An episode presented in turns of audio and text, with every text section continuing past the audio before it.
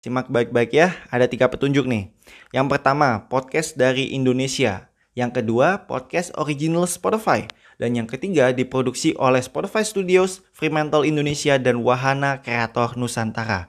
Pertanyaan saya adalah, apa nama podcast tersebut?